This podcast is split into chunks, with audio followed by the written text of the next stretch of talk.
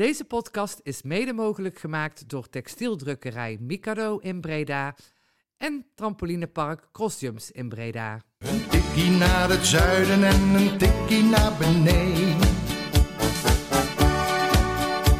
Daar wonen al mijn vrienden en daar voetbalt NAC.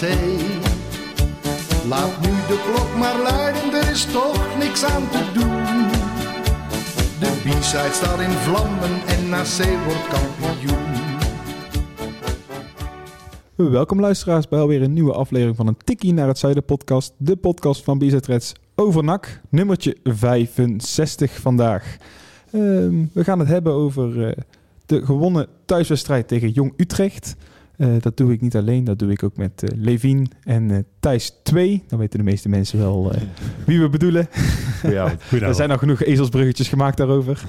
Eh, ik zei het al, we gaan het hebben over NAC Jong Utrecht, de gewonnen wedstrijd. Eh, ja, daar, daarover is er alweer genoeg te bespreken. Want bij NAC zal er nooit eens een wedstrijd geruisloos voorbij gaan.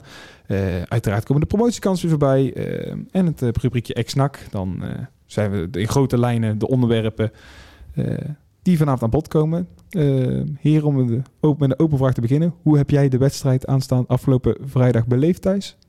Eh, ja, ik was in het stadion en eh, het was eh, waar ik ook al met de matchcast met jullie had gebeld. Het was wel een beetje saai. Gewoon, eh, ja, het, ik vond het leuk om weer eens in het stadion te zitten en een wedstrijdje te zien. Maar ja, het was, het, het was onder controle, maar wel eh, heel weinig, eh, ja, heel weinig innoverend, zeg maar. Levien, je zat in de matchkast. eh juichend voor de tv. Nee, niet echt, nee. Het was gewoon niet zo heel goed, hè. Eh, dus ik heb, eh, ja, weet je, ik vond het gezellig om met Maarten de wedstrijd te kijken. Maar dat was het dan ook wel. Van de wedstrijd zelf moest ik het niet hebben. Nee, want eh, het was bijna verbetering. Nou, Stijn had het over intrinsieke motivatie. En die had gehoopt... Ja, stiekem hoopte hij misschien eigenlijk zei hij tussenlijn door wel op een klein voetbalshowtje... dat hij toch wel verwend werd. Die hoop hadden we misschien ook wel naar de rode kaart. Ah, daarvoor eigenlijk al, hè. Want ik vond NAC best oké beginnen. Ja. Eh, en eh, zeker het eerste kwartier was, was eh, Utrecht echt heel slecht. Eh, je kon wel duidelijk zien dat zij eh, niet zonder reden vrij ver onderaan deze competitie staan. Eh, alleen ja, goed, uh, NAC eh, scoort niet vaak. eh, en ook niet vaak genoeg om dan een tegenstander helemaal eh, omver te kunnen blazen. Want dat had prima 6-7-0 ge- kunnen worden als je gewoon puur naar de krachtsverhoudingen in het eerste kwartier keek. Was het zo slecht? Mm, Statistisch gezien niet. 25 doelpogingen. Ja, vind ik lastig te zeggen. Je, je hoopt misschien, wat je net zegt, inderdaad op meer, omdat het gewoon Jong Utrecht is. En dat je eigenlijk in het eerste kwartier al merkt dat ze er gewoon ja, niet heel veel van kunnen. Eh, met alle respect natuurlijk, in verhouding met NAC. Alleen... eh, Ja, je voelde het wel in het stadion een beetje omslaan. En achteraf was ik, dat is dan raar, maar ben je toch gewoon blij dat ze hebben gewonnen. En dat het niet bijvoorbeeld 1-1 is gebleven. Want het was, in, het was op een gegeven moment echt helemaal, eh, dat zei Stijn dan niet, maar het was op een gegeven moment wel echt heel erg slecht. Want toen stonden ze met 10 en toen werd NAC eigenlijk alleen maar minder. Waar ligt dat toch aan? Je krijgt die vinger. Ik denk Stijn krijgt het niet. eh, krijgt het, ligt de vinger maar niet de zingen, eh, zere plek. Maar Ja, het, het simpele antwoord is, we kunnen niet aanvallen. Dat, eh, eh, maar dat is ook meteen het complexe antwoord. Want waarom dat dan niet lukt, ja, daar heb ik geen hele goede Met verklaring zo'n voor. selectie inderdaad. Nee, maar dat is wel het, wel het probleem. We zijn aanvallen verleerd. We weten gewoon niet zo goed hoe dat moet. Zeg jij, Stijn kan de eh, vinger niet op de zere plek leggen. Maar Stijn voelde in principe ook niet echt een zere plek. Daar komen we zo nog op met een fragmentje. Maar ja, dat, eh, daar is, vond ik een beetje soms de zelfkritiek zeg maar, ontbreken. Eh, Maar- moet je het dan zo willen goed praten? Dat is een terugkerend verhaal. Hè? Het is zo dat eh, Stijn eh, doorlopend naar factoren buiten zijn eigen invloedssfeer wij- wijst en nooit zegt van goh, we hebben het op de training verkeerd aangepakt of mijn wedstrijdplan was, ver- was verkeerd of ik heb de verkeerde spelers opgesteld. Dat zal hij nooit zeggen. Hij zegt altijd dat, het, dat de oorzaak voor een slechte presta- prestatie buiten hem ligt. Of dat nou bij supporters is, bij corona eh, of bij het gebrek aan motivatie van zijn spelers. De stand van de maan, klimaatverandering. Ik heb alles al voorbij horen komen. dan gaat het dan ook vaak over positief, negatief. Ik ga er niet te veel meer over uitlaten naar eh, vorige aantal weken geleden. Ehm, maar kunnen we positief zijn, behalve de drie punten? Nou ja, door die drie punten moet je eigenlijk wel eh, toch een beetje positief zijn. Want eh, je, je hebt gewonnen. Eh, punt. Je hebt gewonnen. Ja, dat, eh, eh, het was natuurlijk wat, wat, wat Thijs ook terecht zegt. Zeker na die eh, penalty, eh 70 minuten zo rond die koers. Ja, dat is natuurlijk wel een gevaarlijk moment om een gelijkmaker te krijgen. Is het ook lastig dat we verwachten wij misschien te veel dat we denken van ja, nou ik zit nou eenmaal een aantal weken niet echt lekker meer in een flow. Eh, kun je dat zomaar in een paar dagen weer omslaan? Want je hebt natuurlijk maandag gevoetbald. Je hebt meer maar eigenlijk drie trainingsdagen ongeveer. Eh, is, dat, ja, is dat te doen? Het is een beetje dubbel, denk ik. Want als, je, eh, als ik kijk eh, naar het hele seizoen van NAC, dan is dit geen eh, uitzonderlijk goede of slechte wedstrijd van NAC geweest. Het is wel een beetje hoe NAC het hele seizoen is. Dus op basis, basis daarvan kun je niet zeggen dat, dat NAC super teleurstelde. Maar ja, ik zit nog steeds met de verwachting van het, een promotie, een serieuze promotiekandidaat die echt veel beter is dan de rest voorgeschoteld krijgen. En dat is het natuurlijk week na week na week is het dat niet. Nee, klopt. Stijn zelf was aardig tevreden bij jou in het interview, gaf hij aan. Hè? Ehm, ja, hij ehm, meer tevreden dan ik had verwacht inderdaad. Omdat ehm, ja, het spel hield niet echt over. Maar ja, het is toch misschien een beetje in zijn natuur dat hij dan toch denkt van ja, we hebben gewonnen, dus het is goed. Eh, maar ja, ik ben het wel met je eens dat dat wel... Ja, dat hij is wel heel tevreden oogde. Voor mijn gevoel te tevreden, laat ik zo zeggen. Want hij ja, hij was vooral tevreden dat het strijdplan eh, goed tot zijn recht kwam. Daar hebben we eh, ook een fragmentje voor klaar, klaarstaan. Je hebt het altijd over de uitvoering, maar we hebben vandaag heel duidelijk aangegeven eh, vooruit spelen. Eh, als we de, de oplossing vooruit niet hebben, dan niet helemaal uithalen via de keeper, maar via een bek en de andere centrale. Je zag ook dat we veel geduldiger in de opbouw waren, eh, dat we niet zo snel de bal naar voren schoten. Dus in dat opzicht ben ik wel tevreden. Alleen het tempo waarin we het deden, dat, dat had hoger ge- gemoeten en gekund. Maar op zich was het plan, dat was wel, eh, daar was ik wel tevreden over. Ja, maar dan hoor ik eigenlijk één plan. Dat is de keeper niet aanspelen. Ja, ja dat, dat was dan een voorbeeld wat hij noemde. Maar dat, dat is dan ook weer zo'n soort vraag waar wel een hele complexe vraag van als je iets goed doet, maar het is niet snel genoeg, niet in een goed tempo, is het dan zeg maar nog wel goed? Of heb je dan eigenlijk alsnog niet eh, snel genoeg eh, of ja, goed genoeg gespeeld om Utrecht uit elkaar te spelen? En dat gevoel kreeg ik een beetje tijdens de wedstrijd. Ik vind dat zelf toch altijd zo krom. En dan hoor ik, het, ik hoor het nou weer zeggen. En dan alsof het te maken heeft met of je wel of niet aanvallend speelt. Met hoe vaak je terugspeelt op een keeper. Je mag toch, het gaat, daar gaat het mij helemaal niet om. Je mag van mij, als speel jij 30 keer terug op een keeper. Als je daarmee het spel verlegt en de andere kant opzoekt en het open. Daar gaat het toch helemaal niet om? Nee, wat mij betreft ook niet. Ja, het is eh, wat, wat eh, Thijs terecht zegt. Ja, als de uitvoering niet goed is, hoe goed is het dan? Ja, niet goed. Inderdaad. Ja, en eh, ja, wat hij, waar hij een beetje op doelde, dat hoorde je tijdens de coaching, was het ook wel een beetje, is dat, dat ze hoog wilden blijven staan. Dus op het moment dat jij de keeper aanspeelt, dan geef je Utrecht de kans om, om op te schuiven. En dat, dat coachen die wel veel tijdens de wedstrijd. En je merkt ook wel dat dat lukte. In de zin van dat Utrecht er niet echt grip op kreeg. Maar dat is wel tot de middenlijn. En daarna creëer je alsnog niks. Dus de toegevoegde waarde van was nog niet heel erg te merkelijk, zo. Want dat zeg je, je, je creëert daarna eh, alsnog niks. En dat is wat mij het meeste stoort aan het spel van NAC. Dat het eh, eh, langzaam opschuiven is naar de 16 van de tegenstander. En dan ja, gebeurt er vervolgens eigenlijk niks. En dan zie je zo'n wedstrijd als eh, eh, de Graafschap Go Ahead Eagles. De Graafschap natuurlijk ook niet een van de best voetballende elftallen van deze competitie. Go Ahead ook niet. Nee, zeker niet. Maar dan zie je daar aanvallen waarvan je denkt, ja, zo moeilijk is het dus blijkbaar helemaal niet. Eh, waar, waar je gewoon inderdaad de, de aanvallers aanspeelt, een bal voor de pot slingert, er loopt er dan wel of niet iemand tegenaan. Maar dan zie je in ieder geval logische aanvalspatronen. En bij NAC, ja, ontwaar ik die echt zelden of nooit. Ze proberen het wel op die manier hoor. Want Bilaat is natuurlijk heel erg balvast. Ik vond Bilaat ook niet eens heel slecht spelen. Al kreeg hij ook niet veel bruikbare ballen in die zin. Maar wat mij opvalt bij Bilaat is dat eh, het wel ja, drie, vier seconden duurt voordat er dan aansluiting onder hem is. En dat is voor hem heel frustrerend. En ook bij Stijn eh, heb ik het idee wel. Omdat hij dan af en toe ook wel coacht van eh, kom maar sneller onder. Of ja, handel sneller, wat hij ook in het interview zegt. En dat vind ik wel een beetje zielig af en toe voor Bilaten. Want die jongen is echt hartstikke bal vast. Maar dan moet hij er vervolgens wel vijf seconden wachten voordat er iemand onder hem komt. Waardoor eigenlijk heel dat, ja, het heeft helemaal geen nut op die manier. En daar gaat het mis, hè? Als je gaat kijken, we hebben het wel vaker over dat systeem van Stijn gehad. Nou, dan ging het over dat vooral naar Pilaten die bal vast moet houden. En eh, de buitenspelers in scoringspositie moet brengen. Ja, maar ik, er is op dit moment gewoon geen enkele buitenspeler. Nou, Monier El Lucci dagen later, maar dat is misschien geen originele buitenspeler. Die op dit moment thuis geeft. Die, er is niemand van die buitenspelers in vorm. Nee, het zegt ook alles dat hij doorlopend roleert met die spelers. Hè? Dat er eh, geen eh, echte eerste keuze... Want uh, Drooi is natuurlijk een tijdje is er een eh, wedstrijd uit geweest. Die is Ja. nu weer terug. Die is, ik weet niet of die, eh, hoe geblesseerd hij... eh, Nou, die mee te valt mee. Hij, hij stond alweer op het veld. Nou, eh eh, Azar kan, eh, eh, krijgt dan een kans. Venema krijgt een kans. eh eh, El is natuurlijk op de buiten... Maatsen. Maatsen. Eh, we hebben daar eh, zo ongeveer een half elftal aan mogelijkheden zien passeren. En daar is nog steeds niet de sleutel voor eh, succes gevonden. Nog niet de sleutel tot succes. We hebben iedereen geprobeerd, maar er is gewoon geen sleutel tot succes, lijkt het op die flanken. Of ja, het is een beetje een, een popular opinion. Maar ik vond Venema niet eens heel slecht eigenlijk. Nee, maar Venema is wat mij betreft echt de, de ultieme huurling. Eh, hij, je ziet aan alles dat hij alleen geïnteresseerd is in zijn eigen statistieken. En eh, Ja. eh, hij- gaat altijd voor zijn eigen succes. En op zich snap ik dat, want hij moet zich natuurlijk dit jaar bewijzen om volgend jaar bij Utrecht weer een kans te krijgen. Maar dat betekent dat het een super egoïstische speler is. En hij heeft niet die kwaliteit dat hij zo eh, egoïstisch kan zijn. Nee, klopt. daar ben ik wel met je eens. Maar ik vind wel dat hij heeft in de tweede helft drie acties naar binnen gemaakt... waar wel gewoon heel veel gevaar uitkomt. Twee werden dan geblokt. Eentje werd door de keeper volgens mij gepakt. En daar, ja, hij, hij speelt wel, uh, laat ik zo zeggen... die vent die draait eigenlijk heel vaak gewoon open... en dan begint hij naar voren te rennen. Waardoor je wel een soort van ja, druk creëert of zo. En het werkt niet altijd. Maar ik vond het eh, tegen Jong Utrecht in ieder geval best wel aardig eruit komen, laat ik zo zeggen. En ik weet niet of hij altijd moet spelen. Maar ik, ik, ik, vond, hem niet, ik vond hem niet zo slecht als heel veel mensen bijvoorbeeld op de site vinden beoordelingen. Had hij volgens mij een 4, zoveel. Ja, maar het is natuurlijk ook zo. Hè. Als hij een eigen speler was geweest, was het wat mij betreft een ander verhaal geweest.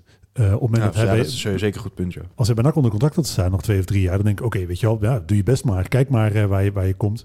Eh, dan wil ik jou graag acties zien maken. Maar nu als eh, huurspeler wil ik dat je of eh, wel een ongekend rendement hebt, dan wel andere spelers beter laten voetballen. En dat doet eigenlijk geen van tweeën.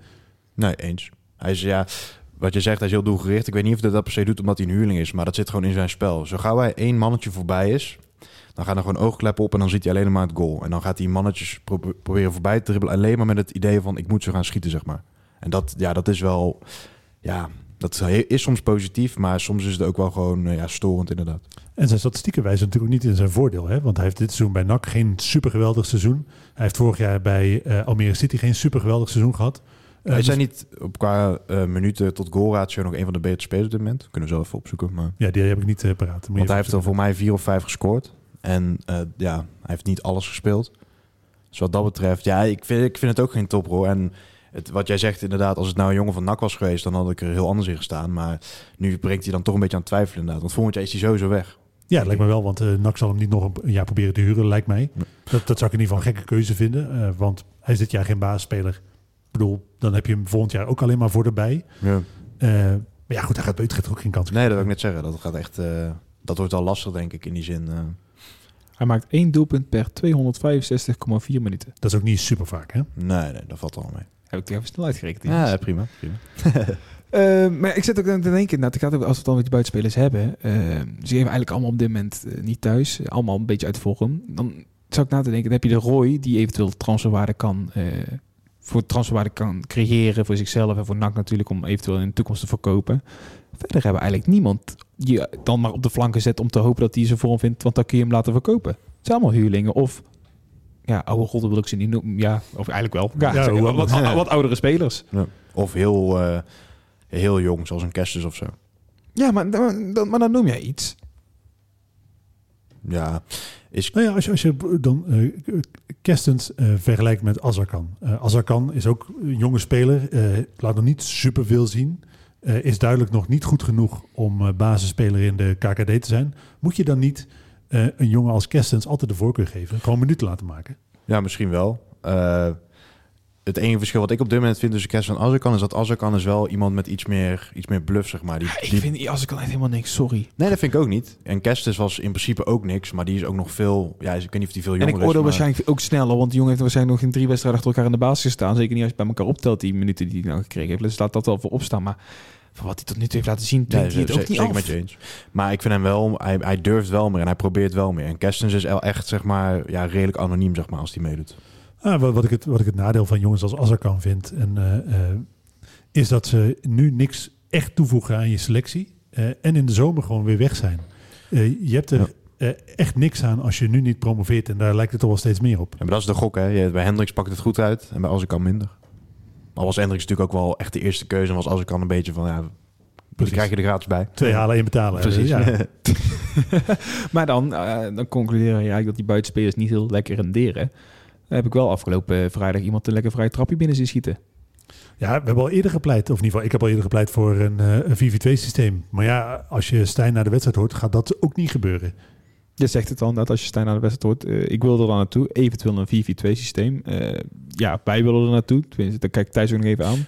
Ja, het, het zou wel een keer verfrissend kunnen zijn. En 4-3 werkt inderdaad niet heel goed. Dus het zou zomaar kunnen. Stijn denkt er toch anders over. Nou ja, maar ik pas mijn systeem niet zo heel vaak aan. We hebben vandaag ook gewoon, we spelen bijna altijd 4-3-3. Alleen de ene keer heb je het met een buitenspeler en de andere keer doe je het een keer met Moenier van de buitenkant. Maar de intenties zijn hetzelfde. En wij kijken gewoon elke wedstrijd welke, welk poppetje we op welke positie het beste kunnen gebruiken.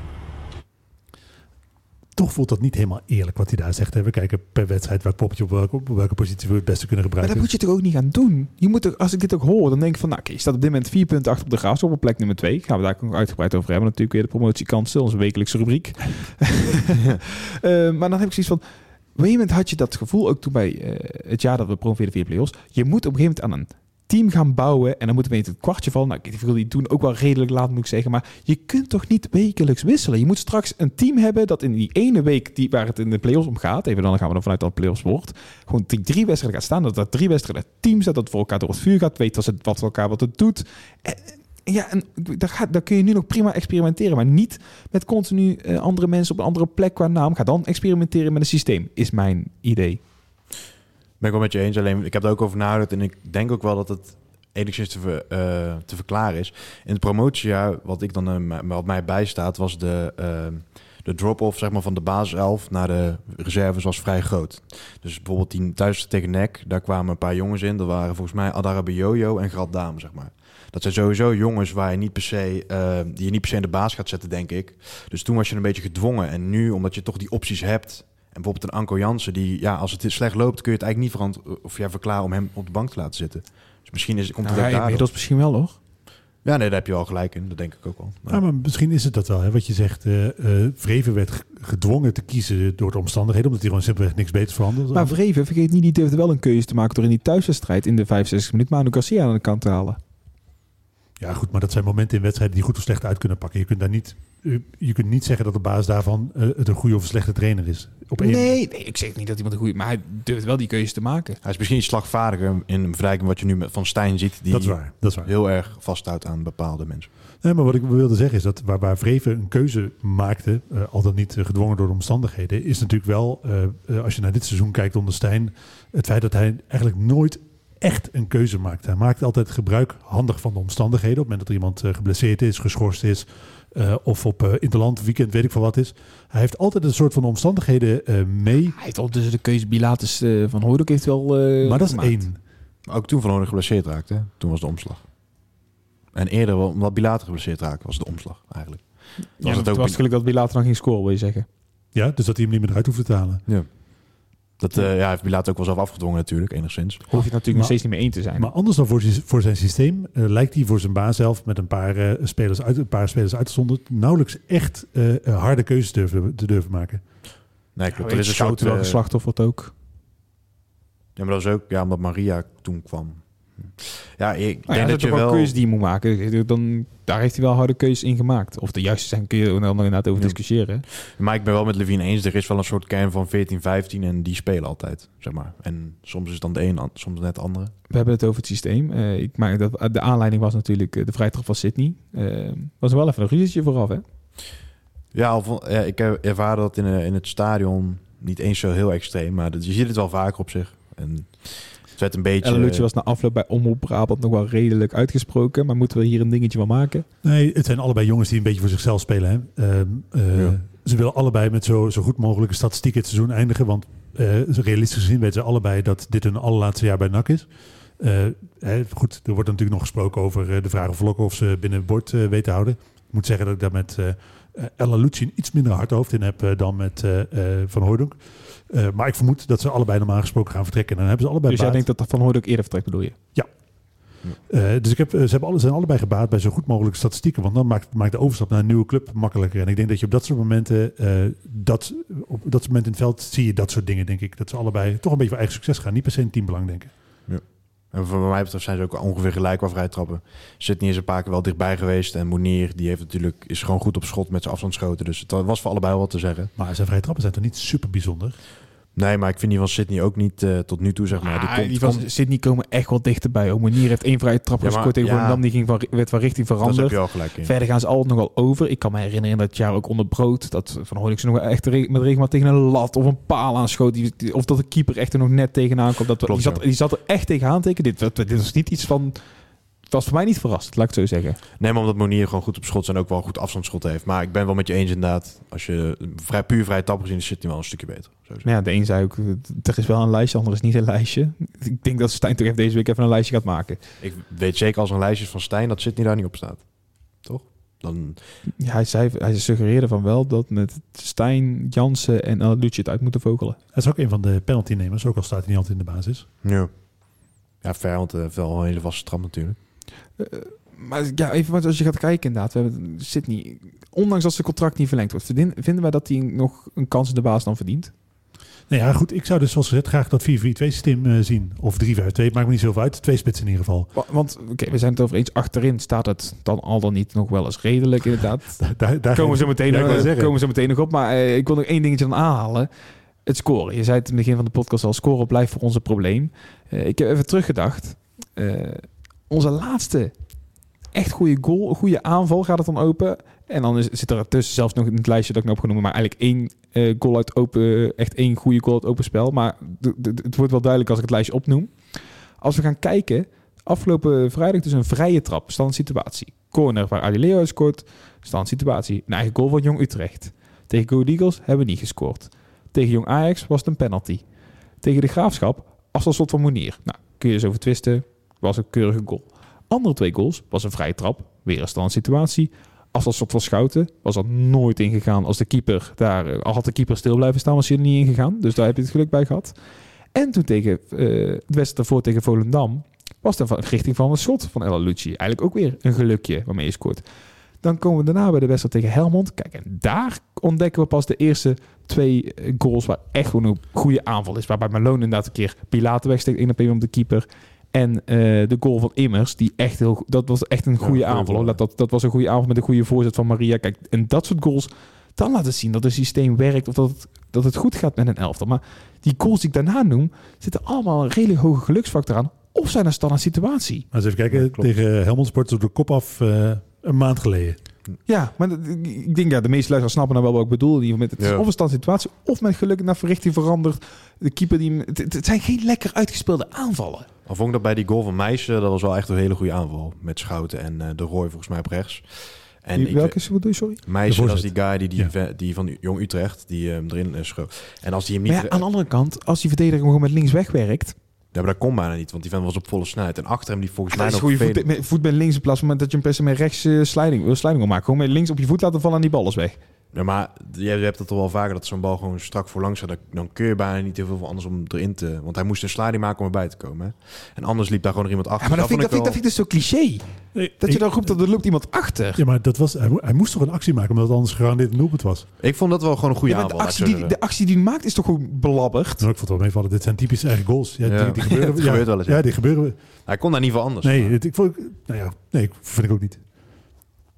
Ja, ja, er goed. zit heel veel brouwereerd. eh. Nee, ik, ik zie ze bij Diatien zie ik ze dit soort bal echt wel eens beter verwerken, hoor. maar dat zal dan naar mij liggen. Ik dan, vind, nee, ik dan vond, al jij hem van de lijn, hè? dat is nog een verschil. ja, dat is dan, Eh, Jouw punt was, eh, uit open spel scoren we eigenlijk nauwelijks. Als je dat vergelijkt met eh Cambuur. Dus het pleit nog maar eens en, eh, voor een 4-4-2 systeem. Dat ga, ga wat anders proberen, want je zit op dit moment ook in een dip. En wat ik zeg, daarvoor waren er waarschijnlijk genoeg eh doelpunten uit eh, open spel. Maar in ieder geval, je zit nou in een dip. Je moet daar iets aan veranderen. Je gaat daar niet automatisch ineens eh, door een wondermiddeltje uitkomen. Je moet even iets van een schokeffect creëren. Zeker in aanloop, omdat het, het zijn nog maar een paar wedstrijdjes. Ja. Ik heb ook niet het gevoel dat we, als we dit blijven doen, richting de play-offs beter gaan voetballen. Dat, dat geloof ik Dat, niet. da- en Geloof dat, ik niet. dat, dat is het. Ja, ik, ik, wat ik wel ve- veel heb gemerkt, als Immers fit is en hij speelt gewoon, dan, dan staat hij vaak wel echt heel dicht bij de spits in aanvallend opzicht. Dat is het enige dat je hieruit eh, kan concluderen inderdaad. Dan- Eh Immer stond inderdaad sinds die ene wedstrijd tegen Helmond stond hij daarna niet meer in de basis. Maar Immers staat inderdaad vaak op de juiste plek. Maar dat doet natuurlijk niet zo af aan het feit dat eh, eh, die bal, die belandt er wel zwaar voor zijn voeten. Maar dat is zelden uit een vloeiende aanval waarbij hij vrijgespeeld wordt. Het is meer zo dat hij vaak bij een rebound of eh, goed ingrijpen, dat hij op de juiste plek staat.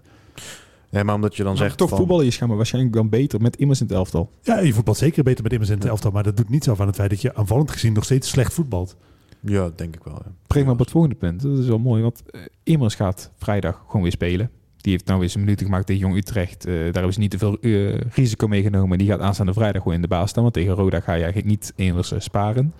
Eh, Immers gaat spelen. We hadden afgelopen vrijdag eh, ja, de man of the match ook bij ons op de site. Eh mooi is Leo. Gaat hij dan plek maken voor eh, de teruggekeerde Dion Malone die afgelopen vrijdag geschorst was? Of gaat Adileo zijn plek behouden? Als eh Adileo zijn plek niet behoudt, eh, dan is Stijn wat mij betreft definitief ongeloofwaardig als trainer. Want uh, met Adileu centraal achterin was het en verdedigend uh, veel beter. Plus, uh, Stijn zegt altijd, hij is aan de bal, is het allemaal niet zo goed. Maar als je zijn acties zag, ja. het, is, hij is, het is een hele behendige voetballer. Hij doet gewoon eigenlijk niet zo heel veel fout. Hij kan eigenlijk praktisch alles. Uh, dat is misschien wat overdreven, maar als centrale verdediger is het uh, uh, echt de beste keuze, vind ik echt. Ja. Weet je wat eigenlijk? Hij heeft de schijn tegen. En dat is het kromme. We hebben eigenlijk we beoordelen hem allemaal op die wedstrijd toen tegen Go Eagles, waarin eigenlijk 28 andere, waarin 28 reserves stonden ja. en geen enkele basisspeler.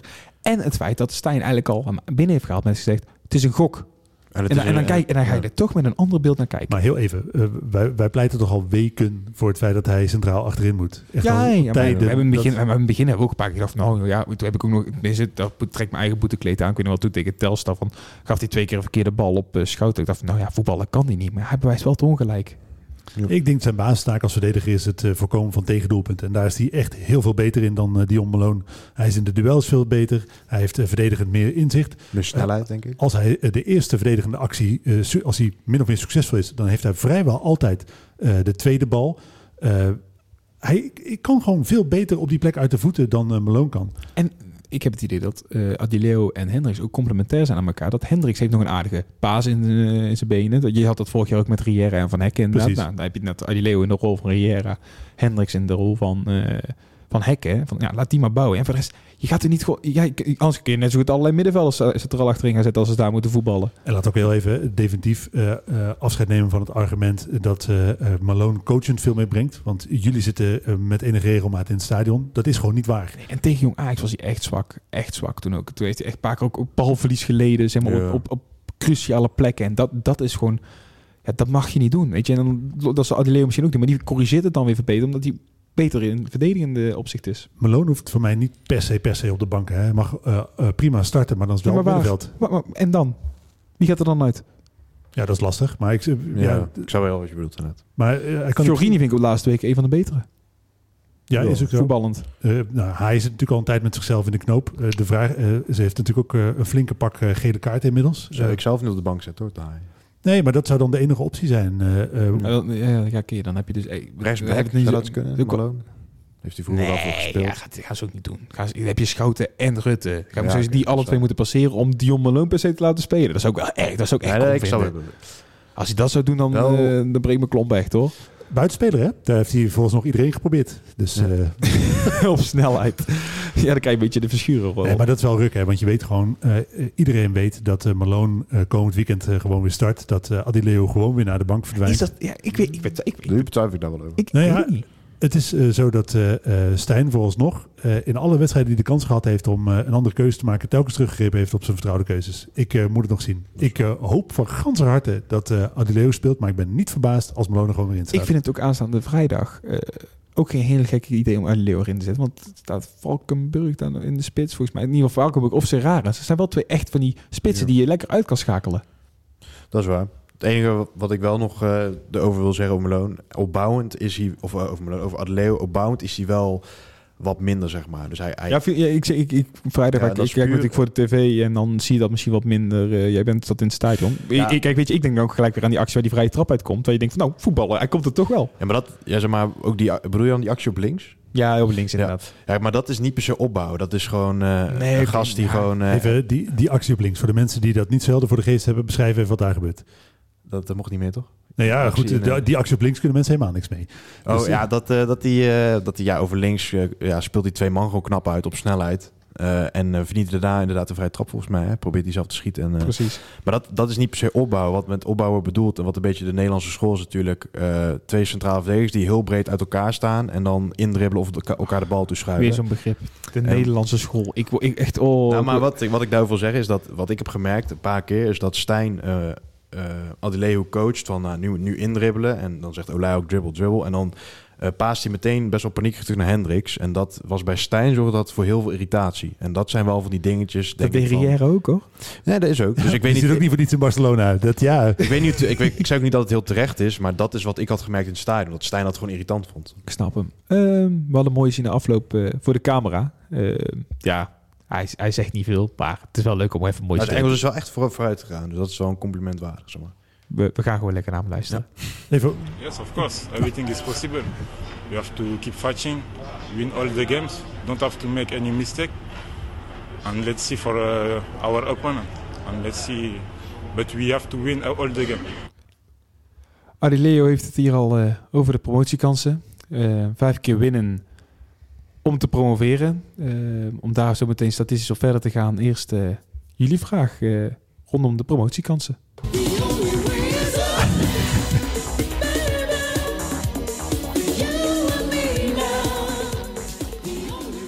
Ja, we hebben het er wekelijks over, dus ja, daar gaan we ook maar een wekelijkse jingle van maken. De only way is up.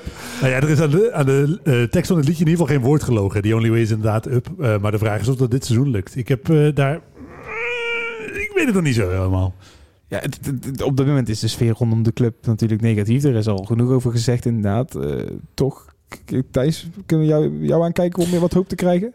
Ja, ik, ben over het algemeen wel redelijk positief geweest heel het seizoen. Maar ik denk dat nu de, de marge van error die je hebt is zo klein. Je bent van twee ploegen, Almere en de Graafschap, afhankelijk. Nou, we hebben net samen gekeken.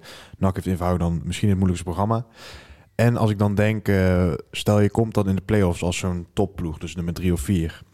En je komt in zo'n enkele ontmoeting met Volendam. Nou, daar hou ik ook mijn hart echt nog maar vast hoor. En als je die wint, dan kom je waarschijnlijk tegen Almere alsnog. Ja, dat is het. Hè. Dit, het gevoel op dit moment is niet goed genoeg om erop eh, te mogen vertrouwen dat het... Het spel ook niet. Nee. Nee. En eh, het gat met, eh, van vier punten is natuurlijk eh, eh, ja, lastig. Want je hebt nog maar een paar wedstrijden om dat gat te dichten. Plus er zit nog een ploeg tussen. Directe promotie wordt gewoon een heel moeilijk verhaal. Ja, dat wordt ook eh, moeilijk gezien het programma. Want eh, gezien het programma, heb jij hem bij de hand, eh, Levin? Ja, welke wil je hebben? Wil je eh, ons programma? Wil je het programma van eh, De Graafschap? Of wil je het programma van de City? Ik zal mijn computer even aanzwengelen. Ja, go- gooi, gooi, ze, eh, gooi ze er allemaal maar in. Eens even kijken. We beginnen met het eh, programma van eh, De Graafschap. Natuurlijk eh, de club met eh, de beste kans op dit moment om eh, te promoveren. Nou ja, als je gaat kijken, ze hebben natuurlijk, eh, denk ik, de lastigste wedstrijd van die reeks eh, al gehad. In ieder geval een van de lastigste wedstrijden met die eh, wedstrijd tegen Go Eagles. Dan spelen ze nog uit tegen eh, Jong PSV. eh, thuis tegen Almere City. Natuurlijk ook een voor NAC niet onbelangrijke wedstrijd. Dan nog uit naar Cambuur. Uit naar Jong Ajax. En uit, of sorry, thuis tegen Helmond Sport. Niet heel eenvoudig. Je hebt volgens mij erbij uitgezocht hoeveel punten hun tegenstanders gemiddeld in deze wedstrijden pakken. Dat klopt. Daarbij gaat het dan om het gemiddelde punten. Daar hebben we trouwens ook...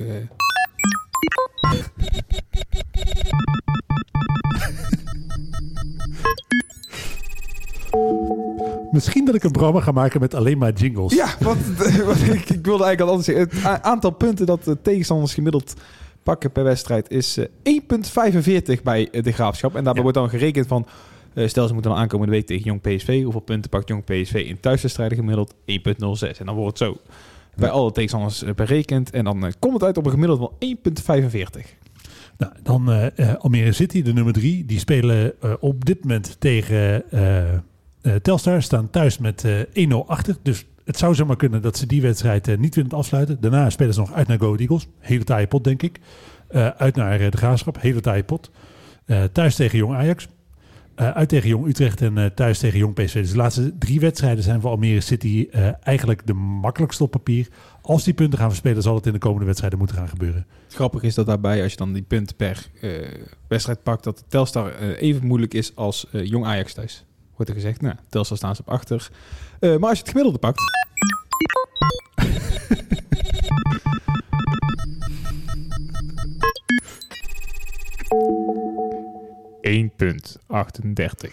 Oké, dus dat is eh, eh, niet super moeilijk. Nee, nee, dat is zelfs nog makkelijker dan de graafschap wordt er gezegd, inderdaad. Eh 1,38 om 1,45. Ehm pakken we tot slot NAC ook maar even bij. Ja, NAC heeft eh, natuurlijk in dat programma, dat kan eh, iedereen dromen. Er zijn zelfs mensen die het op hun eh, rug getatoeëerd hebben, inmiddels begreep ik. Eh, dat is eh Rode JC uit, eh, Excelsior thuis, NEC uit, MVV thuis en eh Cambuur uit. Waarvan ik gevoelsmatig zeg eh, dat de wedstrijd tegen Rode JC uit eh, de lastigste misschien wel is. Hmm. Zeggen de gemiddelde niet. Oké, wat zegt het gemiddelde? Eh, het, het gemiddelde Ah, je van, pakt het. van alle wedstrijden.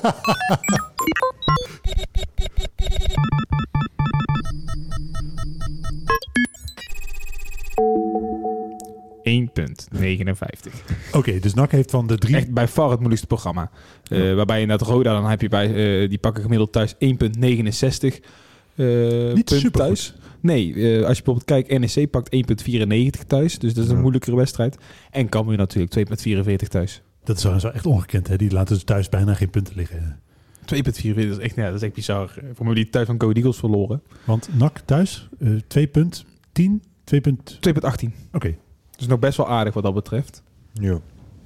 Nee, maar goed, dus NAC heeft op papier het eh, moeilijkste programma van drie. eh, en moet daarbij dus nog in die resterende eh, wedstrijden eh, vier punten goed gaan maken. Nou ja, dat is natuurlijk wel heel lastig. Ja, dus statistisch gezien gaat NAC het ook niet redden. Ja, zoals Ja, ik net zei, je hebt gewoon veel meer de spelen nu, omdat je zo dicht op het einde zit. Eh, maar je hebt nog wel het voordeel natuurlijk dat eh, de Graafschap en Almere elkaar nog ontmoeten. Dus één van de twee gaat op zijn minst daar punten verspelen. Maar we hoorden mooi zeggen, eh, vijf wedstrijden winnen. Is dat, of kunnen je het met vier per ongeluk ook nog redden? Nou ja, ik denk dat opgave, maar dat is die eigenlijk al wekenlang, is gewoon eh, al je wedstrijden zelf winnen. Dan maakt het, eigen, maakt het dan een stuk minder uit wat de tegenstander doet. Eh, zolang je zelf eh, punten pakt, is de kans dat het gaat lukken het allergrootste. En op het moment dat je zelf punten verspeelt, ja, dan, dan wordt de kans natuurlijk met het punt dat je verspeelt kleiner. Volgens Twitter, we hadden een paar mensen die die lijst zo ingevuld, Janiek, die had gedeeld. zou je in een heel gunstig geval aan 79 punten genoeg moeten hebben. En dat halen we dan al niet met vier overwinningen. En als je echt zeker wil zijn, dan zou je 82 punten moeten halen. En eh, dat halen we al sowieso al niet. Dus je komt of op 81, in het beste geval. Ja, de Graafschap staat nou op 70. Die kunnen dus nog op... Hoeveel wedstrijden zijn het nog? Vijf, hè? Vijf. Je kunt op 85 komen. komen. Dus, en dan ga je er al vanuit dat de Graafschap dus één keer verliest. Je hebt een beter doelstel dan de Graafschap. En dat is dus in een, eh ja, in een gunstig geval, in 79 punten, dan verliest de Graafschap nog twee keer en spelen ze nog één keer gelijk. Maar dat is dus ja, een beetje koffiedik kijken natuurlijk. Maar het is gewoon heel lastig. Dat is het enige wat zeker is. Je hebt gewoon nu, wat jij zegt Levine, op, op korte termijn moet je een gat van vier punten overbruggen en je hebt het moeilijkste programma. En daar komt nog eens bovenop dat het spel ook niet... eh, Want dat is natuurlijk uiteindelijk waar het, waar het op neerkomt. Hè? Eh, ook richting die play-offs. Eh, want dat is natuurlijk, als je dan nu die directe promotiekansen eh, voorlopig althans afschrijft. Wie weet is het volgende week een heel ander verhaal. Op het moment dat je concurrent onverwacht punten laten liggen. Eh, maar normaal gesproken moet je op die play-offs gaan richten. En eh, dan is het zo dat je eh, daar tegenstanders tegen gaat komen. Ja, die je in de competitie ook een heel, heel moeilijke avond bezorgd hebben. Het is dan natuurlijk weer wat langer geleden. Maar als je, stel je komt nu weer tegen een Go Ahead of een Volendam in een directe ontmoeting. Volendam heeft jou eh, daar in Volendam zeg maar alle hoeken van het veld laten zien in principe. Is even voor de mensen thuis ook eh, op dit moment, eh, als je de stand, als dit eindstand zou zijn, zou NAC Volendam de eerste wedstrijd zijn. En dan Go Ahead heeft natuurlijk helemaal gewoon thuis... ja, de, de uitslag viel mee, maar dat was ook gewoon heel erg eenzijdig. En je zegt Volendam heeft je in die uitwedstrijd de hoeken van het veld laten zien. Maar eigenlijk ook in de thuiswedstrijd die je tegen hen speelde. Ja, maar daar, zou je als NAC wel energie van, het, van kunnen krijgen. Als je denkt van ja, je laat ze uitrazen. Je blijft met wat fortuin natuurlijk. Want de kortsmit moesten daar gewoon afgestuurd worden. Op de been. Dan kun je ze pakken. Maar ja, dat van Volendam zit, ligt nog iets scherper op mijn netvlies. En dat was wel... eh, Nee, maar dat betekent dus eigenlijk dat je daar in twee wedstrijden eh, geen... eh, dus één wedstrijd echt geluk hebt gehad. En de andere wedstrijd gewoon echt zoek gespeeld bent. Dat, is, dat geeft er niet superveel vertrouwen voor weer één ontmoeting tegen die gasten. Nee, eens. Zeker. En Go Ahead Eagles hebben natuurlijk uit 0-0 gelijk gespeeld. Thuis eh 1-0 verloren. Ik heb ze gisteren tegen eh, de Graafschap zien voetballen. Nou ja, ze scoren echt, echt heel moeilijk. Het is onwaarschijnlijk wat een, wat een kansen zij verprutsen. Maar ja, je zag tegen NAC in die thuiswedstrijd wel... hoeveel kansen ze tegen NAC wisten te creëren. Ja, zo- en, maar zodra die één keer scoren, Al heb je die beide wedstrijden, Go Ahead en Volendam, wel zonder Lex Immers gespeeld. En dat zou wel een grote factor nog kunnen zijn. Maar is Lex Immers, eh, eh, ik hoop het hè, maar is hij dan echt de ontbrekende Ja, schakel? ik vind hem best wel in het begin helemaal, ook toen hij zeg maar, niet zoveel scoorde. Als het twee seizoenen, vond ik hem best wel underrated, zeg maar.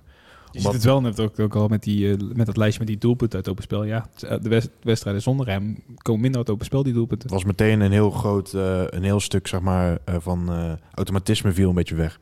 Ik denk wel dat hij licht, licht underrated is, allemaal op dit moment nog steeds. Ja, ik, ik heb hem wel, eens ge- wel eens gezegd dat hij iedereen's Robin is. Hè? Dus hij is iedereen's Ja. sidekick. Hij maakt iedereen het eh, voetballeven een stuk makkelijker. En zo. Dat is natuurlijk wel zo. Maar het is wel een beetje... Ja, eh, al, al je hoop vestigen op een eh, 34-jarige eh, middenvelder... is toch ook een beetje... Een beetje makkelijk, toch? Zo, zo zit het er niet Mm. aan elkaar. Je moet toch ook... Die andere tien zullen het ook moeten doen. Ja, maar ik vind het contrast, als je met hem speelt of zonder, vind ik wel gewoon dusdanig groot, zeg maar. Ja, dat is, bij Barcelona is het ook al hoop gevestigd op Messi. Kleine vergelijking. Lex staat gelijk aan, Lionel. Maar het feit is wel gewoon, eh ongeacht wij lieten net wat statistieken erop los. Het spel is er gewoon niet na. Het is, ik zeg, die kritiek hebben we natuurlijk al een tijdje gehad. Het net al over. Dat scoren is wat moeilijker. Het is wel allemaal te defensief en zo. ja, ik, dat, ook dat speelt gewoon mee, dat mijn vertrouwen gewoon niet hoog genoeg is. Vinden jullie, eh, want dat was, eh, het ging het daar tijdens de, uh, nou ja, in ieder geval na de nederlaag tegen Go Ahead ging het daarover. ik heb het zelf tijdens die wedstrijd tegen Jong en Utrecht ook een paar keer gedacht.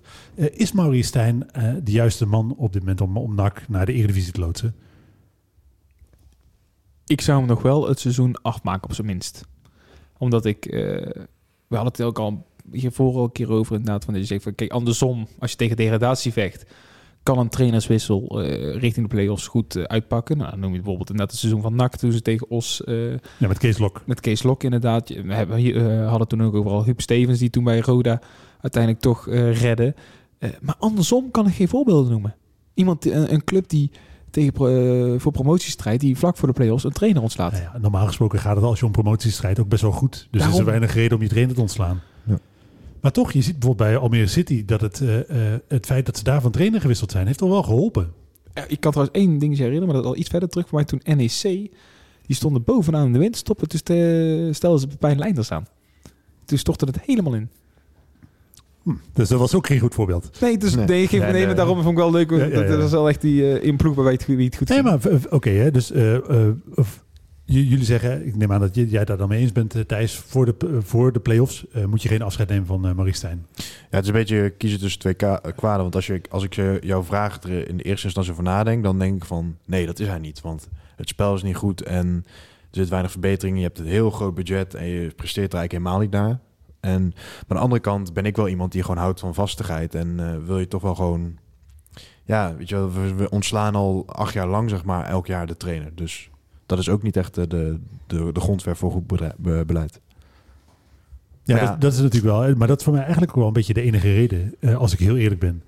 Ja, goed uh, punt. Op het moment dat wij uh, niet onze geschiedenis hadden gehad, van inderdaad meer trainers dan sokken verslijten, dan had ik denk dat, dat Stijn normaal gesproken het een veel, had, dan had hij veel meer onder druk gestaan dan nu het geval is. Daar ben ik echt van overtuigd. Ja, en het feit dat, dat hij en mannen zo echt zo'n twee-eenheid zijn, zeg maar. Dat is ook niet altijd voorgekomen in de story tot nu toe. Maar ja, als we kritisch naar kijken natuurlijk, afgelopen seizoen is niemand beter geworden. Uh, het spel is, ja, soms met vlagen soms wel verschrikkelijk inderdaad. Uh, want, want, daar stip je wel iets aan. Hè? Er is inderdaad echt niemand beter geworden. En als je dan naar volgend seizoen gaat kijken, kijk, je moet volgend seizoen los van uh, dat je dan waarschijnlijk moet promoveren, niet van moet, moet, dat is echt, dat wordt dan het hoofddoel natuurlijk. Je moet op een gegeven moment ook mensen beter gaan maken. Je moet een duidelijk plan hebben. En als je al twee jaar lang eigenlijk een beetje een soort toevalsbeleid ja, wil, ja, dat klinkt misschien wel heel erg extreem. Maar uh, ja, vooral dat. En dat we hadden het net al over het systeem ook. En dat het allemaal nog steeds zoeken is. Je moet op een gegeven moment een duidelijke visie hebben. Zoals we bijvoorbeeld een Volendam benoemen eigenlijk. Ja. Ik vind dat wel echt hoor. Want de, het feit dat uh, dit seizoen niet lukt. Nou ja, goed, daar, daar kunnen dan uh, redenen voor zijn. Corona is natuurlijk een factor die, die meegespeeld heeft. Daar ontkom je gewoon niet aan. Ik vind het denk ik wel echt te makkelijk om alleen daarnaar te wijzen. maar feit is wel echt dat er dus niemand beter geworden is. En dat je nauwelijks basis hebt om komende uh, zomer op verder te bouwen. Uh, want als Stijn volgend jaar exact hetzelfde doet als wat hij dit jaar doet, dan heb je ook komend seizoen, einde van de rit, uh, geen basis waarmee je de toekomst in kunt. Hij, hij, is geen bouwer. Hij zegt wel dat hij bij VV, daar, daar blijft hij natuurlijk eindeloos aan refereren, is een succes daar. Wil je niet meer horen, hè? Nee, wil ik echt niet meer horen. Dat, dat, ik denk dat is geweest en daar waren een heleboel factoren speelden daarbij een rol waar jij er eentje van was. Uh, maar het is niet zo dat jij daar uh, eigenhandig verantwoordelijk voor het succes was. Als ik jou namelijk nu ben actie, dan denk ik, mm, ik vraag me af hoe jij dat daar voor elkaar gekregen hebt. Goed materiaal. Ja, maar dat is dus. Hij je, ja, toevals treffers ook, weet je, zo'n Clint Leemans die eigenlijk net tekort komt voor het eerst op PSV. Die wordt dan volgens mij uitge uitgeleend, was die, of wel overgenomen. En die, die, dat is dan in één klap de beste speler van de KKD dat jaar. Ja, dat, dat soort dingen spelen allemaal mee. En uh, wil je met NAC stabiel richting een toekomst in de Eredivisie gaan, dan moet er uh, echt gebouwd worden vanaf de basis omhoog. Dan moet je dat, die doorstroming van jeugdspelers waar Manders het over heeft. Dan moet je het hebben over die transferwaarde op het veld. Maar dat zijn allemaal zaken waar je dit seizoen niet aan bouwt. Ik betwijfel ook of, uh, ja, stel je zou promoveren dit seizoen, of je er dan wel zo eenvoudig in blijft. Dat is, dan heb je weer zo'n toevalspromotie. Nou, misschien dat je seizoen daarna er wel in blijft, maar voor de lange termijn betwijfel ik dat ook heel erg mijn gevoel zegt dat Stijn voor de Eredivisie een betere trainer is dan voor de keukenkampioen-divisie. Omdat uh, de, het recept voor succes dit seizoen was eigenlijk achteroverleunen en een beetje gok op de counter. En dat kan natuurlijk in de Eredivisie eh, nog veel beter dan dat het in de keukenkampioen-divisie komt. Want in de Eredivisie hoef je het spel helemaal niet te maken. Ja, maar is dat dan... Dat kan dan eens succesvol zijn, maar is dat voor de lange termijn dan ook succesvol? Je wilt op een gegeven moment... Als je, wil je het doorbouwen, je bent een club in potentie en en- maar voor mij is dat altijd de afspraak met Marie Stijn geweest. Je haalt Stijn nu om je richting de Eredivisie heb je die afspraak met Stijn gemaakt? Nee, maar gevoelsmatig is dat de afspraak met Stijn geweest. Je had een trainer die je nu naar de Eredivisie brengt, die je daar dan een seizoen lang laat overleven. Misschien twee seizoenen lang. En dan komt er iemand eh, die eh, het voetballend aan de praat gaat krijgen. En ondertussen hoop je dat je met een goede technische directeur eh, jongens binnenhaalt die je überhaupt beter laten voetballen. Maar dan accepteer je wel dat mogelijk, als we dan even hetzelfde soort seizoenen krijgen, dat misschien in drie jaar tijd niet echt iemand beter wordt. Nou ja, dat, dat is dus... eh, nou ja, En dan moet, iemand, en dan moet de trainer die daarna komt, die moet dan inderdaad het aanvallende voetbal gaan introduceren met spelers eh, die stil hebben gestaan of niet gemaakt zijn op een aanvallend systeem. Dan is het elke keer blijf je op dat korte termijn beleid zitten. Ja. En het is niet iets waar je dan de komende vijf jaar op door kan bouwen. Omdat je, dat hebben ze ook wel eens vaker over gehad. NAC ik moet een duidelijk spelsysteem hebben, waarmee je ook in de jeugd mensen opleidt inderdaad. Van zo en zo moeten buitenspelers staan. En dat is er niet. Nou ja, 4-3 is natuurlijk een, een, elf, een systeem wat eigenlijk overal gespeeld wordt. Waar in principe alle Nederlandse maar spelers 4-3 wel... is alleen, als zij alleen maar de poppetjes zijn. Het gaat ook om wat voor type buitenspeler heb je. Heb je een buitenspeler met alleen maar snelheid die echt continu weg zit? Heb je een behendige buitenspeler die veel meer naar binnen komt? Da- daar zit al zoveel varianten in op één positie bij spreken. We hebben alle soorten buitenspelers. Ja, nu wel, dat snap Hmm. ik. Maar, eh, je moet, maar je moet ook een duidelijk beeld hebben voor echt de komende jaren. En weet je, ik heb met, het gevoel met Stijn. En prima dat ik, weet je, ik, sta, ik ben haantje ervoor zoals promoveren en alles. Eh, maar het is wel allemaal korte termijn voor mijn gevoel. Maar staat zeg maar, lange termijn dan bij jou altijd in verhouding met goed voetbal? Want je hebt bijvoorbeeld teams als Burnley en Getafe... die het al jarenlang gewoon met een beperkt budget... en heel behoudend voetbal gewoon echt een groei doormaken. Snap je wat ik bedoel? Dus ik weet niet of je daar... Ja, sowieso misschien, misschien een beetje een Nederlandse mentaliteit... dat, dat er gewoon 4-3-3 een goed positiespel. Maar in principe, ja... Is, zijn er ook voorbeelden dat dat niet zo hoeft?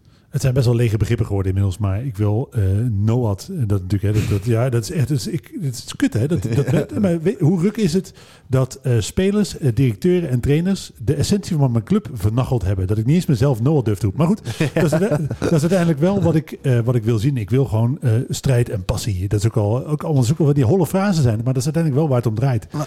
Als je, jij haalde Burnley en Getafe bijvoorbeeld aan. Nou, voor, los, niet om te veel daarop in te gaan. Maar je hebt daarbij wel spelers die eh, beter worden. En dat is dan mijn voorwaarde. hè. Je mag voor mij best verdedigend spelen, maar Ja, oké, spelers dat is beter worden. vraag. Ja. En dat wij spreken dat dan... Ik weet bij Burnley weet ik nog dat er een Andre Gray, wat je toen, toen destijds was, die werd topscorer van eh, Burnley. Die ging voor echt miljoenen naar Watford. Ehm, kijk, als zodra dat ook, zodra nog wel be- spelers daarmee beter blijft en dat je ook transferwaarde creëert in de club, want dat is gewoon essentieel om eh, het vol te houden ook op het hoogste niveau. Ah, dat is natuurlijk wel waar. Hè. Op het moment dat je geld genereert, dan word je vanzelf beter. Dat is gewoon zo. Kijk, en dan kun je van mij, mag je van mij part nog steeds dat verdedigende spelsysteem hebben. En eh, wat je zeg maar Burnley inderdaad. Ja, die handzaven zich elke keer prima in de Premier League. inderdaad. Dat vind ik prima. Maar die hebben ook, ook die hebben, spelen al jarenlang 4v2. Duidelijk spelbeeld inderdaad. En spelers die beter worden Klopt. inderdaad. Nee, maar inderdaad, mijn En vraag aan idee jou heb ik dus was niet. dus of zeg maar progressie zeg maar, altijd gelijk is met goed voetbal. Maar dat zeg je dus inderdaad dat dat voor jou niet per se hoeft. Maar dat is wel op, op dit moment, je kan zeggen wat je wil. Manders en Stijn kunnen dat proberen recht te praten. Maar op dit moment wordt er gewoon niet gebouwd. Dit is, seizoen is gewoon één grote Hail Mary van we moeten nu promoveren. Of dat willen we heel graag. En daarom wordt zo'n Anko Jansen, Azarkan, Hendricks allemaal in de winter nog bijgehaald, zeg maar. Want laten we wel even wel wezen, dat is allemaal weggegooid geld geweest op Hendricks na. Ehm, ja, dat, dat moet nog blijken. Als, Nee, je, niet, maar- als je niet promoveert, dan Oké, eh, als je hoort niemand over. Nee, maar eh, als je dan gaat kijken naar wat, wat eh, Jansen en Azarkan volgens nog gebracht hebben, dat is toch helemaal niks. Maatsen Ja. brengt toch eigenlijk ook helemaal niks. Ja, als Azarkan is wel echt zo goed als gratis. Jansen zal dat niet zijn, denk ik. Als had hij wel het geld mee hebben gekregen. Maar het is ook best wel een, best wel een ruk argument te zeggen, ja, was gratis. Ik denk, ja, maar het is wel iemand die de plek inneemt van een, van een jeugdspeler die, waar Stijn, waar Stijn weliswaar van zegt, ja, ze zijn helemaal niet goed genoeg, maar ze worden zeker niet goed genoeg als ze nooit voetballen. Ja, eens. Maar ja, Azarkan is wel... Kijk, Azarkan was gewoon een gok. En stel je voor, dat was een soort van... eh, dat was een goed voorbeeld. Ook daarbij, als je al die buitenspelers ziet, en dan kun dat, je, dat zal Stijn het argument gebruiken van ja, daar heb ik voor alles wat. Maar er zit totaal geen idee achter. Ik, ik, ik- de men- mensen die mij kennen, die hebben, weten dat ik RKC-watcher ben. Daar zegt Grim van, eh, ik heb buitenspelers. Dit zijn mijn twee basisspelers, buitenspelers. Raakt er een geblesseerd, staat er eenzelfde type buitenspeler eh, om erin te komen. Zodat wij aan datzelfde systeem blijven werken. Die spelers weten wat, van mij, wat er verwacht wordt van hen op die positie. Stel, Maatsen zou je vaste race buiten zijn.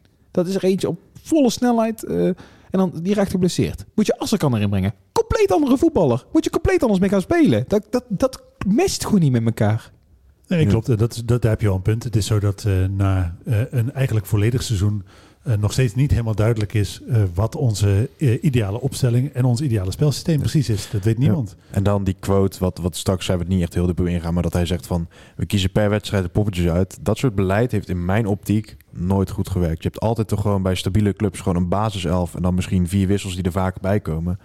Er is toch geen enkele club die echt succesvol is met, laten we zeggen, 21 spelers die Ajax. dezelfde... Hmm. Ja, maar die, die hebben toch gewoon in verhouding... Laat ik zo zeggen, stel Ajax die moet in, in, de, in de Europa League spelen op donderdag... en die zetten dan in het weekend een paar mensen op de bank. Dat is puur uit luxe toch ook? Ja, maar ik bedoel, dat is een, eh, een elftal, een selectie die zo goed is dat je daar dus wel. ja, zo. Maar ook daar zit er een super duidelijk eh, spelidee achter. Van in ieder geval, in mijn optiek, een trainer die echt wat voetbal heel goed begrijpt. Ja, en die echt wel een plan heeft en dat ook op meerdere lagen heeft uitgedacht, zeg maar. En dat mis ik best aan gewoon. En het is niet zo dat ik hem niet wil zien slagen. Hè. Ik hoop van ganser harte dat hij eh, de Foppe de Haan eh, van, van NAC wordt. Dat betekent namelijk dat hij het supergoed doet. Dat vind ik hartstikke leuk. Ik vind het, eh, Ja. hij, heeft, hij is er ingestapt op het moment dat, het, dat niemand dat eigenlijk wilde. Dat de, club eigenlijk een gigantische puinhoop was.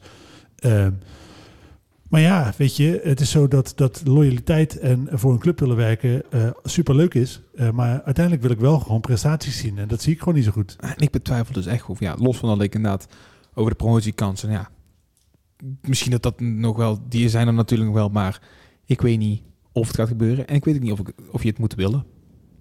Wel, je moet het Je ook moet altijd willen. promoveren.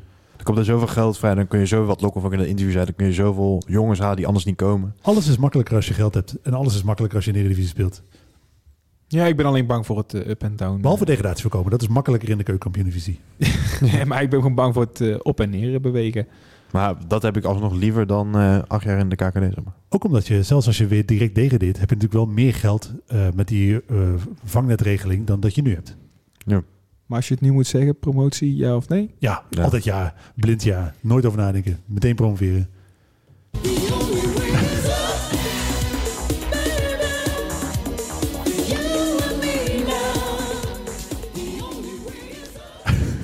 Gaan we door. Eh, want ehm, ja, vandaag kwam er ook weer een update over eh, de No What Cup. Ja, tof. Het is zo dat we inmiddels eh, 34 teams hebben. We hebben uiteindelijk eh, plek voor 45 teams. Eh disclaimer. eh voorwaarde is natuurlijk wel dat het op 10 juli, de datum op het eh, toernooi gepland is, eh, mag. Maar als eh, het doorgaat en daar eh, hebben we toch nog steeds hele goede hoop dat het eh, gaat lukken, dan wordt het een eh, werkelijk eh, gigantisch voetbalfeest van nu met die 34 teams. En onze crew erbij. Wij mogen allemaal toiletten gaan schoonmaken. eh, weet ik veel wat we allemaal precies moeten doen. Geen, niks, niks leuks in ieder geval. Eh, is het eh, zo dat we met een man of 350, 355 zijn. En daar komen dus mogelijk nog eh, 110 man bij als die 11 teams er nog inschrijven. We, gaan, we hebben lekker eten, we hebben muziek. Een springkasteel volgens mij is er. Is echt van alles georganiseerd. En Ben, die een groot deel van ons, eh, die voor, voor ons eigenlijk de organisatie doet samen met de brede loco's. Ja, die heeft nog veel meer in petto. Het wordt echt een eh, gigantisch nakfeest. En eh, als je een paar vrienden hebt eh, die kunnen voetballen en eh, Of die- niet kunnen, of niet kunnen Je voetballen. hoeft niet te kunnen voetballen. als je een paar vrienden hebt, eh, dan eh, moet je eigenlijk gewoon Ik zou inschrijven. bijna liever willen zeggen, als je een paar vrienden hebt die lekker door kunnen drinken, dan ben je. Nou ja, weet je, eh, het, eh, als, als het eh, gaat worden zoals ik eh, nu voorzie, en ik denk dat iedereen met mij mee hoopt dat dat het scenario gaat worden, dan is het eigenlijk de eerste grote NAC-activiteit na de lockdown. En geloof me, dat gaan we denk ik echt met z'n allen keihard vieren. Ja, dat komt goed. Ik denk dat, en daar kijkt alles en iedereen naar uit. Dus laten we echt hopen dat het doorgaat. Sluit hem. Even inschrijven dus nog, hè? Je hebt, eh, moet wel snel zijn. Als je dus, ja, ik wil zeggen, want bij meer dan 45 eh, gaan het Nee. niet worden inderdaad. Dus nog 11 teams mogelijk. Dus bel je vrienden, zoek ze op, app ze op. eh, maak vrienden, ook goed. ja, en mij niet regel uit. gewoon mensen. En eh, Zwervers, allemaal prima. allicht kunnen we ook kijken van, eh schiet me nou echt de rennen te binnen. Stel, je hebt een groepje van vijf en je zegt van ja, wij zoeken eigenlijk nog vijf anderen. Laat het gerust in de reacties weten. We kunnen jullie, of laat het in de, stuur een mailtje naar biznestreds.nl en we koppelen jullie aan elkaar op BZ deze. Tinder, we regelen het allemaal voor je. Nee, maar dat, dat, dat zijn altijd nog mooie, mooie mogelijkheden. Sluit hem traditioneel af met de ex-NAC-rubriek. En eh, die starten we in de zandbak. Eh, want ja, Mitchell tevreden, daar, kunnen we net zo goed snel voorbij gaan. Maar eh, hij was wel succesvol. Want Mitchell Tevreden sc scoorde afgelopen weekend voor uh, Al Fateh. En daar maakte hij de 2-2 nadat ze in eerste instantie op 2 in achterstand stonden. het was ook Al speelde tegen concurrent Al Faisali. Ja, het heet daar allemaal al natuurlijk. Dat is ook, die stonden alle twee net boven de streep. En de winnaar zou zich eigenlijk zo goed als zeker verzekeren van nog een seizoen op het, voor mij is het hoogste niveau, toch? Ja. ja. Hoogste niveau. En ja, de Mitchell tevreden zorgde voor de 2-2 en in 93 minuten bezorgde teamgenoot Cueva voor de 2-3. En uh, lijkt Mitchell tevreden zich op te kunnen gaan maken voor nog een seizoen op het hoogste niveau in de zandbak. Ja, mooie statistieken daar, hè? 1912. 9 wedstrijden, 12 ja. doelpunten. Hij doet het uh, gewoon best wel goed. En het is, weet je, het is geen echte topspits. Uh, dat is het gewoon niet. Uh, maar wel gewoon een goede spits die je er prima bij kunt hebben. Ik dat zou... zag je wel bij Feyenoord toen. Gewoon als nummer 2 achter Pelle of zo. Hij heeft het best wel goed gedaan ook bij Heerenveen. Niet heel slecht gedaan. Bij NAC heeft hij natuurlijk een, een hele goede helft, uh, seizoenshelft gedraaid en een mindere. Als hij fit was gebleven, had hij denk ik zonder moeite een uh, doelpunt of 16, 17, 18 gehaald. Was helemaal ja. niet raar geweest. Nee, zeker. Maar we er denk ik in gebleven. Ja. Gaan we van uh, de zandbak naar een ander warm deel in, in de wereld. dat is Italië. Want bij Fermana, daar zegt u natuurlijk allemaal wat. Dan weet u precies waar het over gaat. Dan gaat het over Kingsley Boateng. Uh, was afgelopen weekend ook trefzeker. Uh, Kingsley Boateng scoorde, maar werd onlangs toch uh, 1-4 verloren bij Vermana. De ploeg strijdt tegen degradatie, maar lijkt toch wel op een veilige marge te staan. Van de onderste ploegen, uh, maar Kingsley Boateng, Serie C, heeft nou zes doelpunten gemaakt. Wel twee in de laatste drie wedstrijden. Ja, lekker voetbal in Italië is dan. Ja, het is echt iemand die best wel een beloftevolle aanvaller was in zijn jeugd. Want hij heeft uh, het uh, Italiaans jeugdelftal gehaald. Heeft natuurlijk bij AC Milan uh, gespeeld. Maar hij is daarna eigenlijk, ja, na, na NAC, dat, dat is het eigenlijk. Na, bij, ja, voor NAC was wel, als je bij NAC niet slaagt. Alhoewel, alhoewel. Komt eigenlijk nog iemand. Nee, maar hij heeft het uh, daarna niet uh, heel goed meer gedaan. Hij heeft in uh, Slovenië volgens mij gespeeld. daar nog wel Champions League gespeeld, maar daarna eigenlijk steeds verder naar beneden. Ja, ja en dan zit je in de Serie C en dan maak je zes doelpunten en dan ga je, dan ga je nooit in Serie A terechtkomen. Ja, maar het is wel chill toch? In principe is het uh, in Italië lekker weer, lekker eten, een beetje voetballen. Er zijn echt wel slechtere manieren om uh, je, je twintig jaren door te brengen.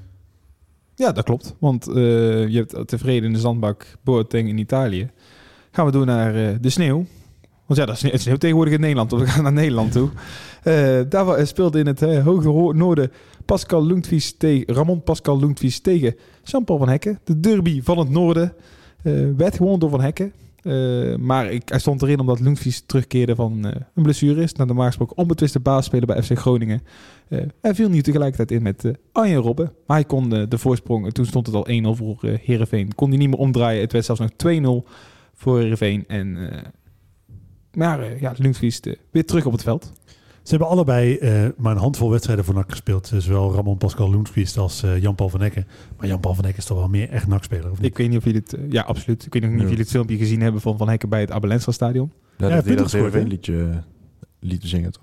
Hm, wat zei je? Dat hij ook met de support liep te zingen. Ja, ja, biertje drinken inderdaad. Hij stond dan met zijn handen in de lucht. En die, die zit daar wel op zijn plek. En we hadden het, hij stond er vorige week ook al in, Van Hekken. Maar toen gaf hij aan van de kan, toen gaf hij aan dat de kans wel aanwezig was dat hij bij Heerenveen zou blijven. En dat, ik denk dat het voor zo'n ontwikkeling alleen maar goed is. Ja, denk ik ook wel. Sluiten we hem af met uh, Rai Vloed. De man van wie we nog geld krijgen. van hemzelf ook. Nee, nee ja, voor zijn, voor zijn transfer. Ik, toevallig zat hij voor, vorige week in de uh, notulen van uh, de clubraad. werd weer, weer naar gevraagd. Nou, het ligt nog steeds bij de FIFA. Ja, volgens mij ja, uh, tegen, tijd, tegen dat ik een baard van hier van, uh, tot aan meteen heb, dat, uh, is die case een keer opgelost. Zo ruk eigenlijk, hè, als je erover nadenkt. Dat je dus gewoon als club een speler mag verhandelen, daar nooit voor afrekent. En ondertussen heeft, draagt niemand de consequenties, behalve de verkopende club. Ja. En, en het is drie ton gaat het toch over? Ja, wel aardig wat. Maar voor mij leeft nog steeds dat gevoel van ja, had je daarmee akkoord moeten gaan. Dus natuurlijk, we hebben daar vaak genoeg over gehad. Maar het je neemt wel een risico of zo. Het is wel een beetje alsof een Nigeriaanse prins je e-mailt en dat je denkt, oh, dat zal wel goed komen. Het is natuurlijk wel een shady deal vanaf de start. Uh, je weet gewoon ja. inderdaad dat je, ja, dat je daar bedrogen uit kan komen. Ja. Maar dan nog. Ja, ja het moment toen al blij waren dat hij, dat hij weg kon voor een zak geld. Ik denk dat drie ton toen best wel veel was voor het seizoen wat hij toen had. Klopt. Uh, en, je, en het scheen toen allemaal gewoon te kloppen natuurlijk. Hè? Dat was al gewoon een bankgarantie, dat soort dingen. Nee, dat was geen bankgarantie. Of juist niet? Nee, oh, dat is het hele punt. Als er een bankgarantie was geweest, was niks aan de hand geweest. Hm, Oké. Okay. Ja, maar dat is dan toen, toen toch... Uh, ik weet niet wie dat was. Ik heb dat voor mij laten... Goed, C.S. Mulder was het toch? Ja. Ja, dat hij dat toch wel probeerde nog enigszins goed te praten van eh, dat het wel goed uitzag, laat ik zo zeggen. Maar ja, dat had hij nou al kunnen weten. Ja, maar goed, dat zijn ook, eh, net zoals die eh, interviews met bejaarden die zeggen, ja, maar iemand die zag er echt heel echt uit. Dat, ja, goed. Ja. Ik bedoel, eh, ja, als je een beetje, een beetje oplet, trap je daar niet in. eh. Nee, ik wist wel dat wij toen dat eh Chiasso gingen googlen en dat het bleek dat dat echt gewoon een stadion was eh ter grootte van dat sta het complex van Baronie en zo. Het Dat, was, het was heel bizar inderdaad eigenlijk al. Het, eh het rook toen al niet lekker. Maar eh, ondertussen gaat het met Rijvloed wel lekker. Ik denk dat Heracles eh, op dit moment absoluut geen genoegen zal nemen met drie ton als daar eh, iemand voor aanklopt. Want met eh 14 goals en 6 assists is hij eigenlijk een van de smaakmakers van de Eredivisie toch wel. En bizar, hè? Ja, dat, dat had ik echt nooit verwacht. Toch zo dat er bij NAC misschien ook wel ergens, bijvoorbeeld die wedstrijd tegen Groningen. Ja. Het, hij miste gewoon zoveel kansen dat het gewoon op een gegeven moment niet meer ging of zo. Maar ik, heb echt vervloekt. Zijn hele carrière, hij, scoort eigenlijk overal goals. Want ook bij Jong PSV was zijn gemiddelde best wel aardig. Daarna bij Eindhoven had hij goed gemiddelde. Hij heeft vorig jaar bij Excelsior een goed gemiddelde gehaald. Nu bij eh eh Heracles weer. Alleen Frosinone, eh Sint-Truiden en NAC eh, steken daar in negatieve zin eh, bovenuit. Ja. Want inderdaad, als je kijkt, hij staat gewoon in het rijtje met Koopmeiners, Malik, Giacomakis, Thadis en Bergers. Als je de goals en assists bij elkaar optelt, dan staat hij daartussen. Waarbij zelfs nog de kanttekening gemaakt wordt dat hij eigenlijk maar twee penalties heeft gemaakt. Terwijl een Koopmeiners en Giacomakis, Thadis en Berghuis de vaste penaltynemers zijn bijvoorbeeld bij eh, hun Ja. club. En die hebben er allemaal wel meer dan vijf of Die zo. hebben er 7, 8, eh, Ja. 7, 8 penalties gemaakt. Maar in eh, 29 wedstrijden goed voor, in ieder geval betrokken bij 20, eh, 20 doelpunten. bizar. Ja, dat is echt wel veel. Bij Heracles, hè, gewoon rechterrij. Ja, net linkerrijt, want ze kunnen dus nog eh eh play-offs voor Europees voetbal halen. En een contract voor 2023. Dus Tim Gillissen gaat waarschijnlijk net wel meer dan die, die drie ton krijgen. Ja, daarom. Bizar hè, dat zo'n Heracles, dat is toch wel een vergelijkbare club met NAC, qua groter dan. Misschien is NAC groter, maar zij doen het iets beter. En dan, wij halen vloed en het is niks. En bij zo'n Heracles is het dan weer een, eh een succes. Beetje de reverse eh, Mark Looms eigenlijk. Die was ook wel echt bizar slecht. Ja, en oud. Die is natuurlijk ook echt één seizoen bij nacht geweest. en Dan stopte hij weer voetballen. Of was Ja, alleen maar geblesseerd geweest. Ja, echt. Slooms. eh, Ehm, hier, de ex-nak eh, zit erop. Dus dan eh, rest ons nog één dingetje. As we speak staat, heeft Rode JC al een 2-0 achterstand even goed gemaakt tot eh 3-2. Eh, is Valkenburg wel in de 22e minuut uitgevallen. Maar eh, zijn vervanger Serraris heeft even al gezorgd voor de 2-3. Dus het is niet dat er nou een mindere speler op het veld is gekomen. Heeft MVV ook alweer rood. Dus ervan uitgaan dat Roda ook vandaag weer gaat winnen. Eh, Ja. Ja, ik heb altijd nare herinneringen aan Roda. Dat komt natuurlijk door de degradatie, maar ook meerdere wedstrijden die ik daar heb gehad. Waaronder vorig jaar met Simon Mulder en ooit een keer een blunder van Birigiti. ja. Ik blijf het altijd een angstgainer vinden, maar had ik het vraag voor de uitzending eh, even over inderdaad. Dat we er gemixte gevoelens over hebben. Ik zal dan met mijn eh, gevoel beginnen. Ik ben er in 2014 keer geweest. Toen, oh nee, daarvoor nog zelfs. De tweede was de tweede keer. Dat was dus met uh, Seuntje en Perica. Toen wonnen we daar volgens mij met 2-4. En dat was wel gewoon een mooie wedstrijd. Gewoon natuurlijk uitgewonnen daar. Helemaal prima. Het debuut van Perica, meteen een goal. En eh, die keer daarvoor was met die mooie solo goal van Kwakman die een paar man eh, passeerde. Voor de rest ben ik daar ook niet meer geweest. De play-offs had ik toen geen kaartje. Dus ga, ga jij eh, vrijdag? is het uit? Nee, nee dat, ik heb geen rijbewijs. Dus Nou, ik- verdomme. dus misschien mijn, ja, Maar trouwens. is jouw een- voorspelling dan? ja, ik, we hadden het er straks over. Ik ga wel gewoon voor een, voor een comfortabele 0-3. Levine, ja, ik heb dus wel eh, warme herinneringen aan. jij ook al. Nou, of in ieder geval niet echt warme Het is, maar herinneringen. goed, het is maar goed dat ik vrijdag niet ga. Eh Rode SC eh, uit was mijn eerste uitwedstrijd in het seizoen 95-96. Toen konden we Europees voetbal halen. Maar we verloren daar met 5-1. Eh, volgens mij een van de allerslechtste wedstrijden die ik van Yassine Abdeloui heb gezien. Eh, en eh, tijdens die wedstrijd eh, ontstonden er een beetje onlusten in het uitvak. Ik was daar met mijn vader en mijn broertje. Ik was 12, mijn broertje was, was 6. Eh, en er stonden- ontstond dus onlusten. En dan kwam de ME met 100 vak in. We, werden wel, we werden uit het vak gehaald, maar dat was mijn allereerste uitwedstrijd. Kaal Heide. Goede herinneringen zeg. Ja, wel, wel 5-1 verloren. Dus, dat bedoel ik. Ja, goed. Nee, maar dat was wel, ja, ik weet niet, dat is wel een wedstrijd die altijd bijblijft. Ja, klopt, dat klopt. Gaat een aanstaande vrijdag een wedstrijd worden die je voor altijd bij blijft staan? Nee, het wordt een 1-1, eh, daar ga ik echt vanuit. Oh, wacht, ik mag nog niet voorspellen, of wel? Jawel, Ja, jawel. ja, natuurlijk, natuurlijk. Ik, 1-1. ik had hem al ingegooid. Dus, maar we gingen ineens allemaal al onze herinneringen vertellen. Wat jij zei, ik ben. Ik, ja, ik heb minder herinneringen. Maar laat ik nog niet te negatief zijn door een nederlaag te voorspellen. Ik eh, ga met Livy mee eh, voor een 1-1. Dat vind ik toch aardig negatief. Ja, het is eigenlijk voor aanstaande vrijdag is het niet voldoende klaar. Zo simpel is het. Nee, maar Ja. heel even, je zegt het is heel negatief, maar op zich uit bij Rode C. Realistisch ook. Dat is niet heel raar. Zou toch geen super slecht resultaat op papier zijn? Want ze doen het Ja, maar met, oké. met oog op de huidige urgentie die er is. Ja, ja, ja. eh, ja, Ja, maar, stel, maar stel je begint de competitie uit bij Roda. En je speelt 1-1. Dan zou iedereen nog zeggen, dat kan. Ja, precies. Ja, maar dan had je niet allemaal eh, uit bij Jong Ajax zo punten hoeft laten liggen. Wat, wat voorspel jij dan? Ik eh, had 0-3 gezegd. Maar ik kom gewoon omdat ik heel positief ben. Kijk, hebben we nodig in deze tijd. Eh heren, we gaan het vrijdag eh, allemaal zien. Vrijdag ook weer een eh, nieuwe matchcast eh, vanuit eh, onze studio. En volgende week maandag zijn we er weer met een nieuwe podcast. Tot dan. Een tikkie naar het zuiden en een tikkie naar beneden. Daar wonen al mijn vrienden en daar voetbalt NAC. Laat nu de klok maar luiden, er is toch niks aan te doen. De B-side staat in vlammen en NAC wordt kampioen.